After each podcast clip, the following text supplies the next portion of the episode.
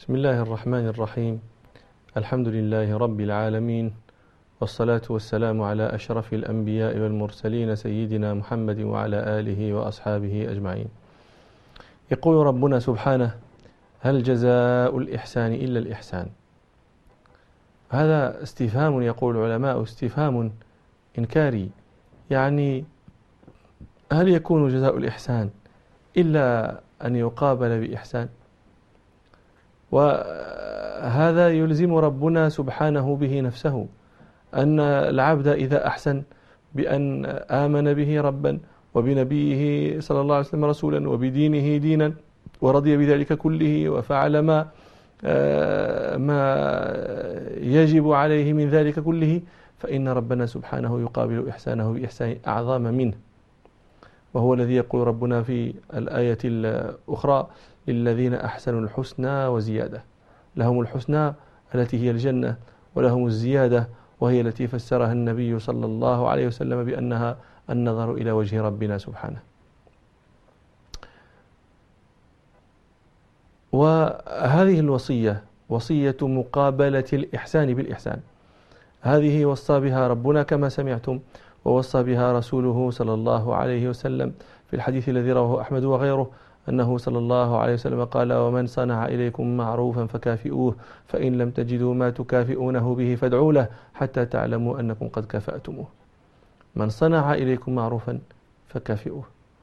ليس هذا ما صنعه الحطيئة. لم يقابل الإحسان بالإحسان. ولذلك لم يشذ عن القاعدة الظلم مرتعه وخيم. الحطيئة أكرمه الزبرقان. الزبرقان بن بدر أحد الوجهاء في الجاهلية وأسلم وكان وجيها في الإسلام وولاه رسول الله صلى الله عليه وسلم على صدقات قومه وولاه عمر رضي الله عنه على ما كان ولاه عليه أبو بكر رضي الله عنه. في سنة من السنين في عهد عمر رضي الله عنه أصابت الناس مجاعة عظيمة. فتحمل الحطيئة بأهله ورام يبحث عمن يطعمه ويؤويه هو وأهله. وفي الطريق لقي الحطيئة الزبرقان بن بدر. والزبرقان كان ذاهبا بصدقات قومه ذاهبا بها إلى المدينة إلى عمر بن الخطاب. فلما التقيا عرف الزبرقان الحطيئة ولم يعرف الحطيئة الزبرقان. فقال له الزبرقان أين تريد؟ قال حطيئة أبحث عن رجل يطعمني وأهلي وأصفيه مديحي. فقال الزبرقان الحطيئة هل لك في رجل يوسعك تمرا ولبنا ويجاورك أحسن جوار وأكرمه؟ فقال الحطيئة فرحا مسرورا هذا وأبيك العيش وما كنت أطمع في أقل من هذا عند من؟ قال عندي قال من أنت؟ قال الزبرقان بن بدر قال أين مسكنك؟ قال اركب ناقتك واستقبل القمر حتى تدرك منزلي فذهب الحطيئة إلى منازل الزبرقان بن بدر وذهب الزبرقان إلى آه، إلى المدينة ليعطي صدقاته لعمر الخطاب. لما وصل الحطيئة آه، بيوت الزبرقان أكرمته زوجته و آه، يعني أحسنت جواره. الزبرقان بن بدر كان له قوم هم لهم أعداء هم له أعداء يتنافسون معه الشرف. وهم بغيض بن عامر بن شماس وإخوته. فلما علموا أن الحطيئة أتى ونزل عند الزبرقان وأنه إن مكث عنده وذكره في أشعاره سيشرف الزبرقان جدا وسيصعب حينئذ عليهم أن يدركوه. فكروا في طريقة ينقل الزبر ينقلون بها الزبرقان إليهم ويحولونه عندهم. فأتوه وقال له تحول عندنا.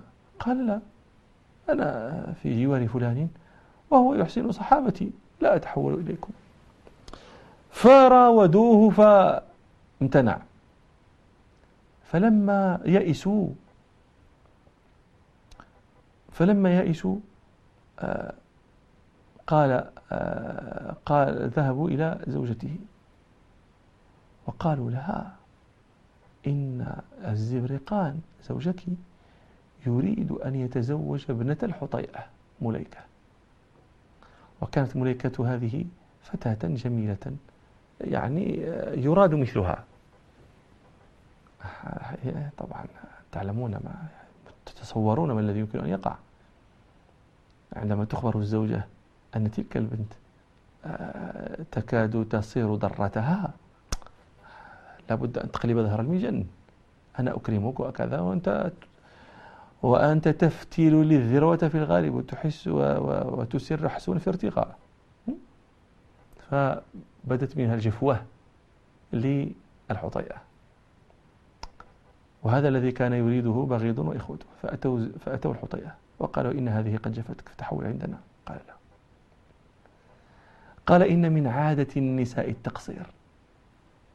وأنا لست أحمل على صاحبها ذنبها. هي أذنبت هو لا ذنب له عندي. فلا لا لا لا أحمل عليه هو تقصيرها هي. لكن مكثوا عليه. يعني يبدأون ويبدئون ويعيدون و إلى أن قبل فذهب معهم إلى ديارهم. فلما ذهب إليهم نصبوا له خباء عظيما وأعطوه ناقة حلوبا وصاروا يريحون عليه إبلهم يحلب منها ما شاء ويأكل منها ما شاء وأعطوه التمر أحسن جواره. فمكث على ذلك إلى أن عاد الزبرقان من المدينة. فسأل عن الحطيئة. قالوا تحول إلى بغيض إلى ديار بغيض وإخوته. فركب فرسه وأخذ رمحه وذهب إليهم حتى وقف عليهم وقال جاري ردوا علي جاري. فقالوا له قال بغيض له ما هو لك بجار وقد ضيعته وجفوته؟ فقال لهم ردوا علي جاري وهم يمتنعون حتى كادت تكون بينهم حرب. فحينئذ جاء العقلاء من من من القومين من الحيين فقالوا لبغيض يا بغيض رد على الزبرقان جارة. فقال لهم بغيض ألست أخرجه وهو أوى إلي؟ يعني هذه قبيحة عند العرب.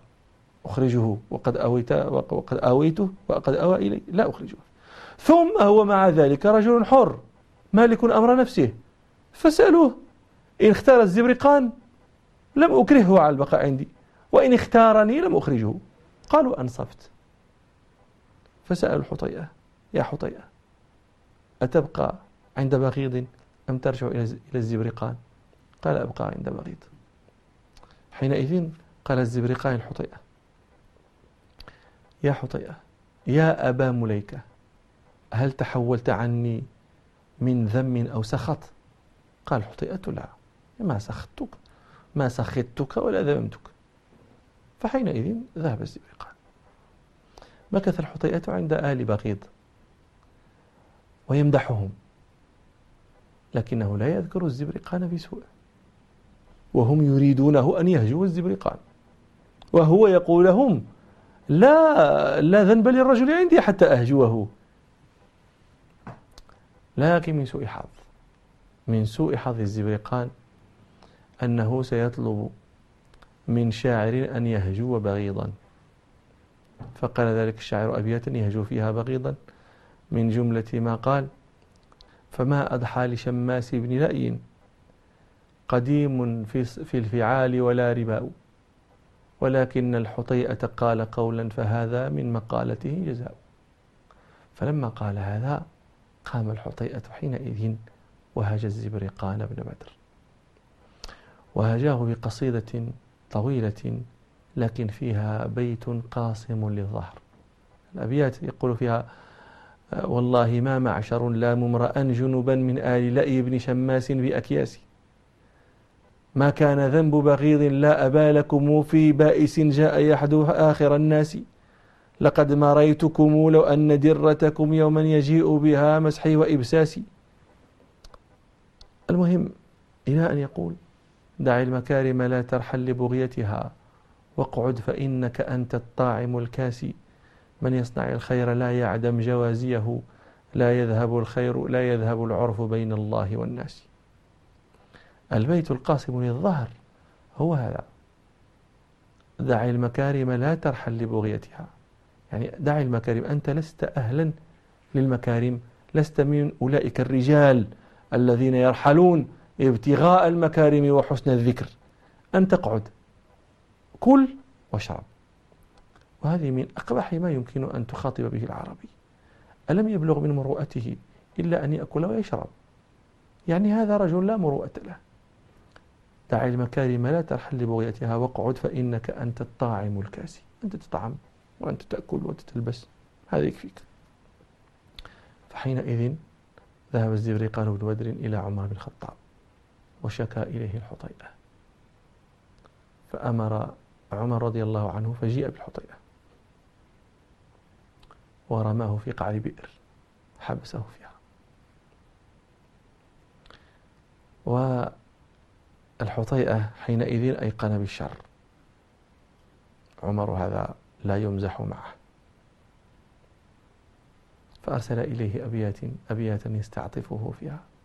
يقول له ماذا تقول لأفراخ بذي مرخ؟ الأفراخ هم أبناء الحطيئة.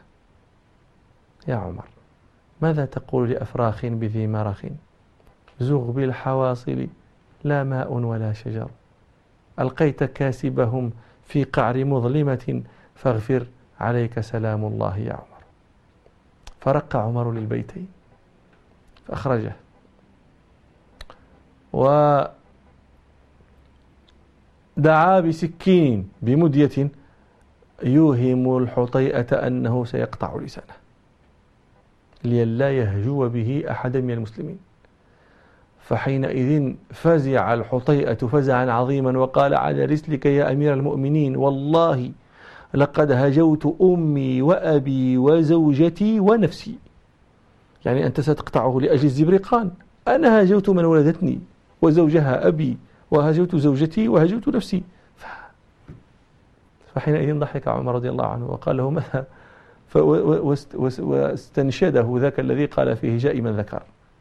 فكان فيما قال في هجو أمه آه، تنحي فاجلسي عني بعيدا.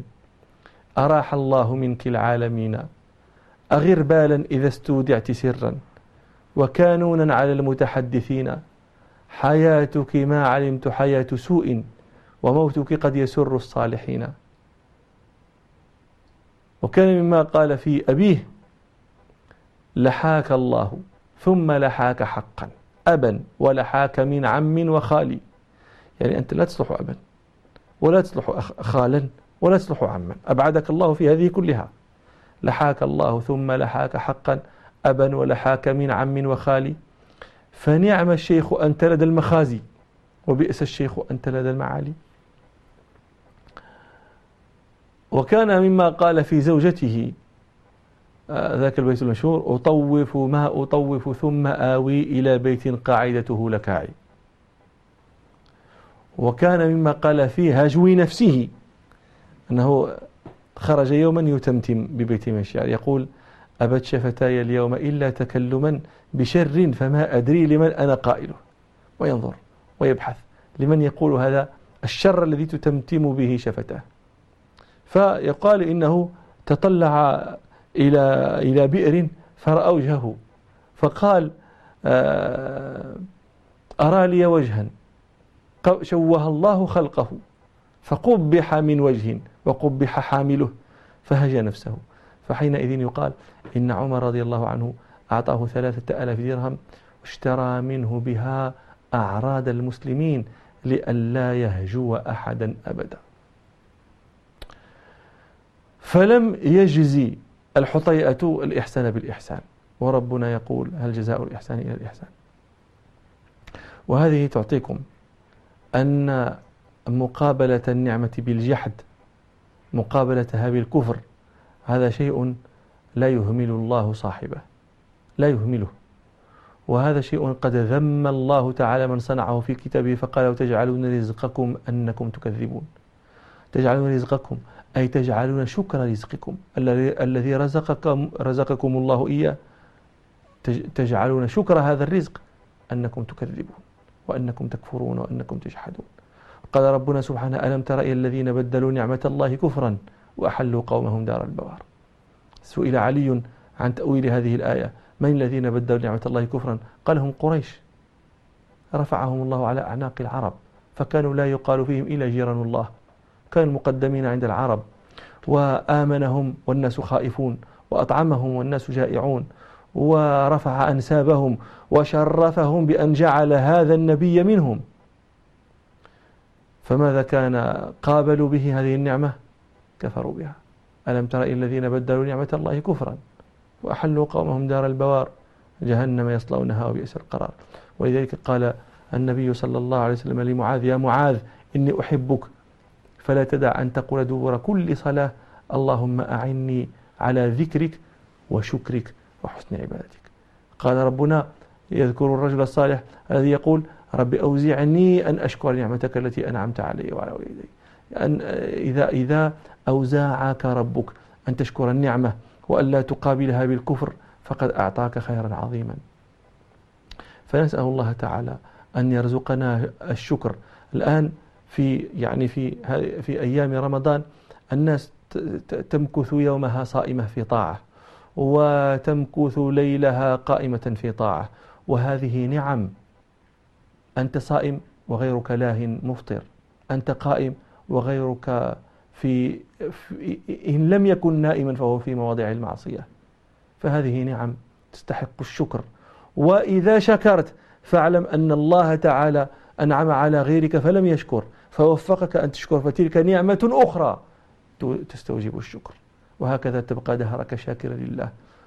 إلى أن يقبضك إلى أن يقبضك ربك. من الشاكرين نسأل الله أن يجعلنا منهم وإلى لقاء آخر إن شاء الله الحمد لله رب العالمين.